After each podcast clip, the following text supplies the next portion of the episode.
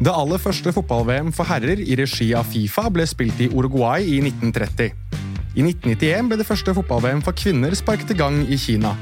I over 60 år eksisterte det altså et VM for herrer, men ikke et VM for kvinner. Hvorfor det, egentlig? Det skal vi forklare nå.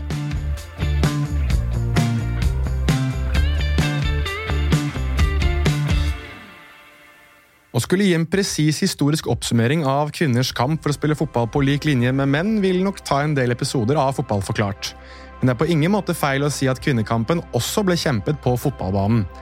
I flere artikler og beretninger om hvorfor kvinnenes fotball ikke ble sidestilt med menn, så faller man gjerne inn på forklaringer om kjønnsroller. I utgave nummer fire av Josimar fra 2019, som er en utgave dedikert til kvinnefotballens kamp i Norge, viser det til en artikkel publisert av kjønnsforskning.no fra 2006. Der kommer det frem at mens kvinner og jenter var ivrige fotballspillere i Norge, og egentlig resten av verden, hadde flere menn ytret skepsis.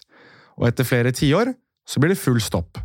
På 1940-, 50- og 60-tallet hører vi ikke om en eneste fotballkamp, hevder idrettsforsker Matti Goksøyr og fortsetter. Kvinner skulle føde barn og stå bakom fyren. Først på 1970-tallet kom endringen. Og en av de store endringene skjer i 1969, når Women's Football Association, WFA, stiftes i England. Nesten 50 år etter at kvinnefotballen ble forbudt å spille på ligaarenaer i England. To år etter at WFA ble stiftet, ble dette forbudet løftet. I 1971 spilles også den første kvinnelige FA-cupfinalen. Men selv om England kanskje er en slags pekepinn på at ting begynte å endre seg fra offisielt hold, så hadde man allerede sett en oppblomstring av kvinnefotballen i nasjoner som Italia og Danmark, til tross for sterk motstand fra offisielt hold i spesielt Danmark.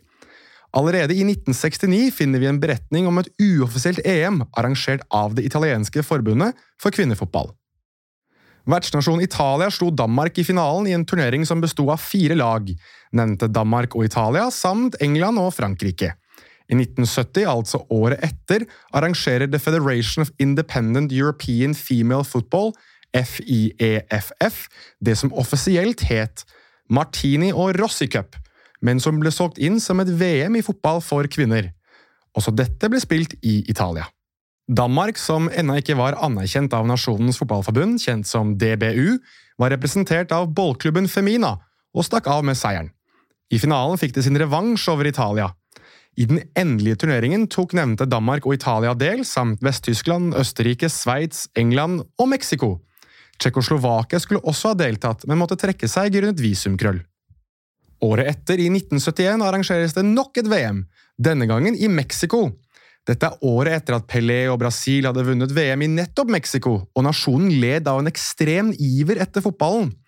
I boken The Making of the Women's World Cup av Kieran Thivam og Jeff Kasouf heter det at det var sponsorer, ikke Fifa, som gjorde turneringen mulig. Denne gangen var det seks nasjoner som deltok. Stayerne i Danmark, Italia og England, vertsnasjon Mexico, Argentina og Frankrike. I boken heter det at 110 000 tilskuere så Danmark slå Mexico i finalen etter hat trick av 15 år gamle Susanne Augustussen. I en artikkel i The Guardian forteller Danmarks keeper Birte Kjems at det danske folket var entusiastiske og glade, mens herrene i det danske fotballforbund på ingen måte var spesielt fornøyde. Samme dag som vi landet i Danmark, så uttalte DBU-formann Wilhelm Skausen at kvinner ikke ville bli ønsket velkommen i det danske fotballforbundet i løpet av hans levetid, fortalte Kjems. I 1972 måtte likevel forbund tilknyttet Uefa åpne sine dører for kvinnefotballen som ledd i oppblomstringen i flere nasjoner.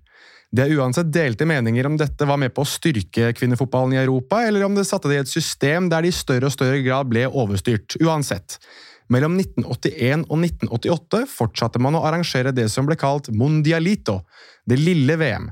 I denne tidsperioden ble det arrangert fem mesterskap, og i turneringen i 1985 knyttet verden for første gang bekjentskap til det amerikanske landslaget. Og de skal bli ganske sentrale litt senere i denne historien. Det er likevel noe som manglet – anerkjennelse fra øverste hold. Kvinnefotballen hadde blomstret fram, man hadde begynt å få på plass forbundsordninger og system i ulike land, og slik nevnt så hadde Uefa gjort det påbudt at nasjonale forbund skulle organisere kvinnefotballen i de landene der man alt hadde en form for uoffisiell fotball for kvinner. Og Senere ble det også stiftet en egen komité for den europeiske kvinnefotballen. Denne falt dog sammen i 1978, men ble reist på nytt tidlig på 1980-tallet. Forskjellen den gang var dog følgende.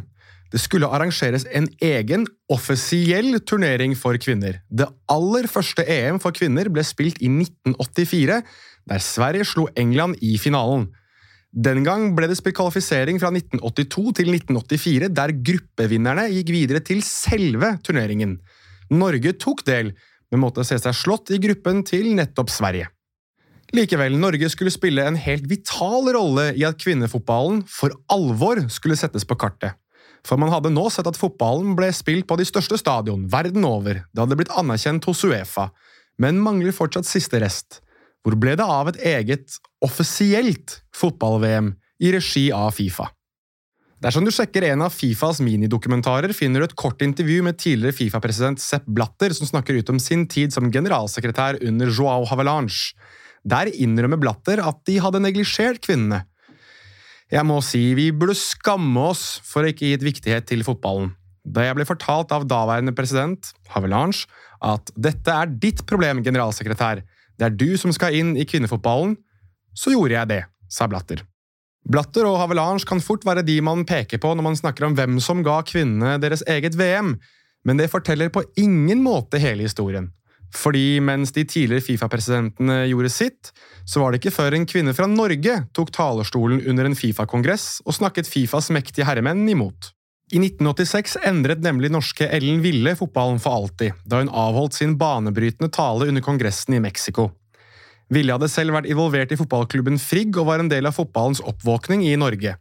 I Josimars utgave nummer fire fra 2019, som er viet kvinnekampen i norsk fotball, fortelles historien om Ellen Ville og hvordan hun kjempet sammen med støttespillere som Per Ravn Omdal og Karen Espelund for kvinnefotballens anerkjennelse i Norge. I 1985 ble det vedtatt i NFFs styre, der Ville omsider ble en del, at Norge skulle ta ordet og diskutere kvinnefotballen hos Fifa, og at det var Ville, ikke president Eldar Hansen, som skulle avholde talen. Året etter gjorde 400 aldrende mannfolk og én kvinne på 32 seg klare til dyst, heter det i magasinet for Ville ble med det tidenes første kvinnelige delegat på en Fifa-kongress. Til France 24 fortalte Ville litt om opplevelsen. Forestill deg dette, jeg var 1,50 høy, og mikrofonen var for høy for meg, foran 100 menn, vel vitende om at jeg var den første kvinnen til å gjøre dette. Det var skummelt, sa Ville, som også utdypet til Josimar. Jeg grudde meg fælt, skulle snakke engelsk også, og hadde øvd på forhånd, men det viste seg å være moro. Jeg tok opp tre ting.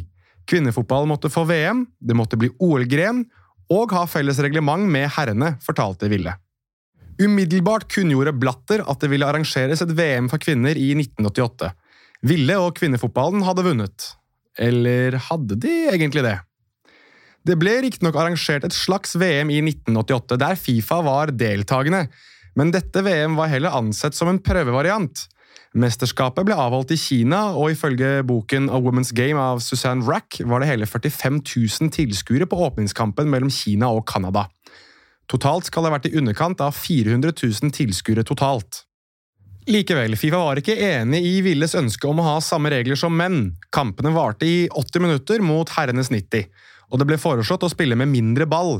Det forslaget ble til slutt sløyfet. Tolv lag fra seks kontinent ble invitert til å delta, og i finalen var det Norge som sto igjen som vinner, etter å ha slått Sverige i finalen. 35 000 tilskuere så Linda Medalen bli den første matchvinner i det som var det første prøve-VM. Prøve-VM hadde uansett vist seg å være en voldsom suksess, og Kina hadde skapt en mesterskapsramme Fifa var fornøyde med. Derfor ble det igjen valgt å avholde mesterskapet i 1991, da tidenes aller første VM for kvinner ble avholdt. Her hører det med til historien at Kina hadde sett sitt snitt til å avholde turneringer, i et forsøk på å vise at de var i stand til å arrangere OL, men Kinas iver ble kvinnefotballens seier. Men igjen, var Fifa egentlig så fryktelig gira? I Racks bok heter det at Fifa inngikk et samarbeid med sjokoladefabrikken Mars, som ble turneringens sponsor. Dermed fikk det første VM det offisielle og ja, ikke så veldig catchy navnet Fifa World Championship for Women's Football for the M&M's Cup. Et bilde av en av VM-billettene, publisert av The Guardian, viser at selve billetten til kampene var 50% inngangsinformasjon og 50% reklame for sjokolade. Og det stoppet ikke der. Husker dere dette med at kvinner ikke skulle spille mer enn 80 minutter? Det ble opprettholdt, hvilket ledet til et av de mer legendariske sitatene fra USA-spiller April Heinrichs. De var redde for at eggstokkene våre skulle falle ut dersom vi spilte 90, sa hun til Sports Illustrated, og hun ble backet opp av lagkamerat Michelle Akers. Jøsse navn, jente kan ikke spille 90, nei, og likevel spilte vi fotball annenhver dag i et land der vi ikke kunne spise noe av maten uten å få konstant diaré. Det var vanskeligere enn noen turnering noen mann noensinne hadde spilt, sa Akers. Uansett, VM i 1991 hadde tolv lag plassert i tre grupper, og i gruppe A fant vi vertsnasjonen Kina, mester i det første uoffisielle VM Norge, foregangsnasjonen Danmark og New Zealand. I gruppe B fant vi Sverige, den første EM-vinneren i historien, Brasil, Japan og USA, som hadde ifølge Kasufa Theorems bok ankommet VM med en spillestil som tok samtlige andre lag på senga. De presset høyt, de jaget ned europeerne, og de spilte med tre angripere, som var unormalt på den tiden. I gruppe C var Tyskland, ansett som en mesterskapsfavoritt, Italia, som virkelig hadde vært med på å sette kvinnefotballen på kartet, Nigeria og kinesisk Taipei, som i dag er den nasjonen vi kjenner som Taiwan. Som i 1988 ble kampene en voldsom publikumssuksess, annet fordi staten ga vekk gratisbilletter og understreket viktigheten av at folk dukket opp på kampene, heter det i Racks bok. Hele 65 000 tilskuere dukket opp for å se vertsnasjon Kina sjokkere Norge i åpningskampen og sikre en 4-0-seier. Turneringen, som varte i to uker, tiltrakk seg 510 000 tilskuere og ble avsluttet med at USA sikret tidenes første VM-tittel etter å ha slått Norge, som hadde kommet seg over sjokket mot Kina. Det interessante var at det faktisk hadde dukket opp et slags rivaleri mellom Norge og USA. I etterkant uttalte Akers følgende Vi hatet Norge. De var gode, de var tøffe, de var bitchy, og de slang med leppa. Jeg hatet dem, men det var gøy. Jo mer jeg hater dem, jo hardere spiller jeg.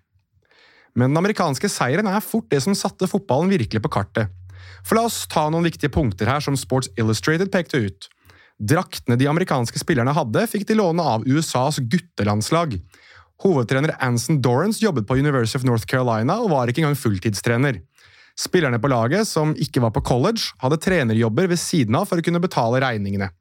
I tillegg måtte spillerne kjøpe sine egne sko. Fire år etter, da det andre VM skulle arrangeres, denne gangen i Sverige, hadde alt dette endret seg. Selv om amerikanerne ikke fikk den medieoppmerksomheten etter VM-gullet da de reiste hjem, så hadde de endret fotballen med sin seier. Og USA ble en av de største nasjonene innen kvinnefotballen. Som en morsom digresjon, italienerne røk ut i kvartfinalen mot Norge, men Carolina Morace, lagets store stjerne, ble udødeliggjort i hjemlandet. I 1991 var Diego Maradona fremdeles det store navnet i italiensk fotball, hvilket førte til at en TV-kanal proklamerte at alle nyfødte guttebarn burde døpes Diego, mens alle nyfødte jentebarn burde døpes Carolina. Mesterskapet i 1991 var resultatet av en innbitt kamp kjempet av kvinner i flere generasjoner. En kamp som egentlig bare har handlet om retten til å gjøre det samme som menn hadde gjort før dem. Og da de endelig fikk muligheten, tok de den med begge hender. Siden VM i 1991 har kvinnenes fotball-VM blitt avholdt hvert fjerde år, og interessen har økt ved hvert eneste mesterskap. Etter VM i Frankrike i 2019 publiserte Fifa tall som viste at over én milliard mennesker enten hadde sett VM på TV eller strømmet det over streamingplattformer. At det tok altfor lang tid før kvinnene fikk sitt eget VM i fotball, er udiskutabelt. Det som også er udiskutabelt, er at kampen som har vært utkjempet, har vært en som har båret frukter. Og mesterskapet i 1991 ble, slik April Heinrichs uttalte, en lydløs trigger for et mesterskap som siden har gitt fire VM-vinnere fra tre ulike kontinent. Utallige minneverdige øyeblikk, og grunnen for at ikke bare gutter, men også jenter lar drømmene vandre om å lede sin nasjon til VM-gull hvert fjerde år. Det var det for Fotballforklart for denne gang. Husk at vi er på sosiale medier på både Twitter og Instagram på at fotballforklart. Send oss gjerne inn forslag til ting du ønsker å høre mer om. Og som alltid, øvrige kilder i tillegg til de nevnt i podkasten er Sports Illustrated, The Guardian, Google Arts and Culture, World Soccer Talk, Fifa.com, Uefa.com, Soccerpolitics, TheFA.com, forskning.no, kjønnsforskning.no, The Game Magazine, Fifamuseum.com Transworld Sports og 442. Takk for at du lyttet.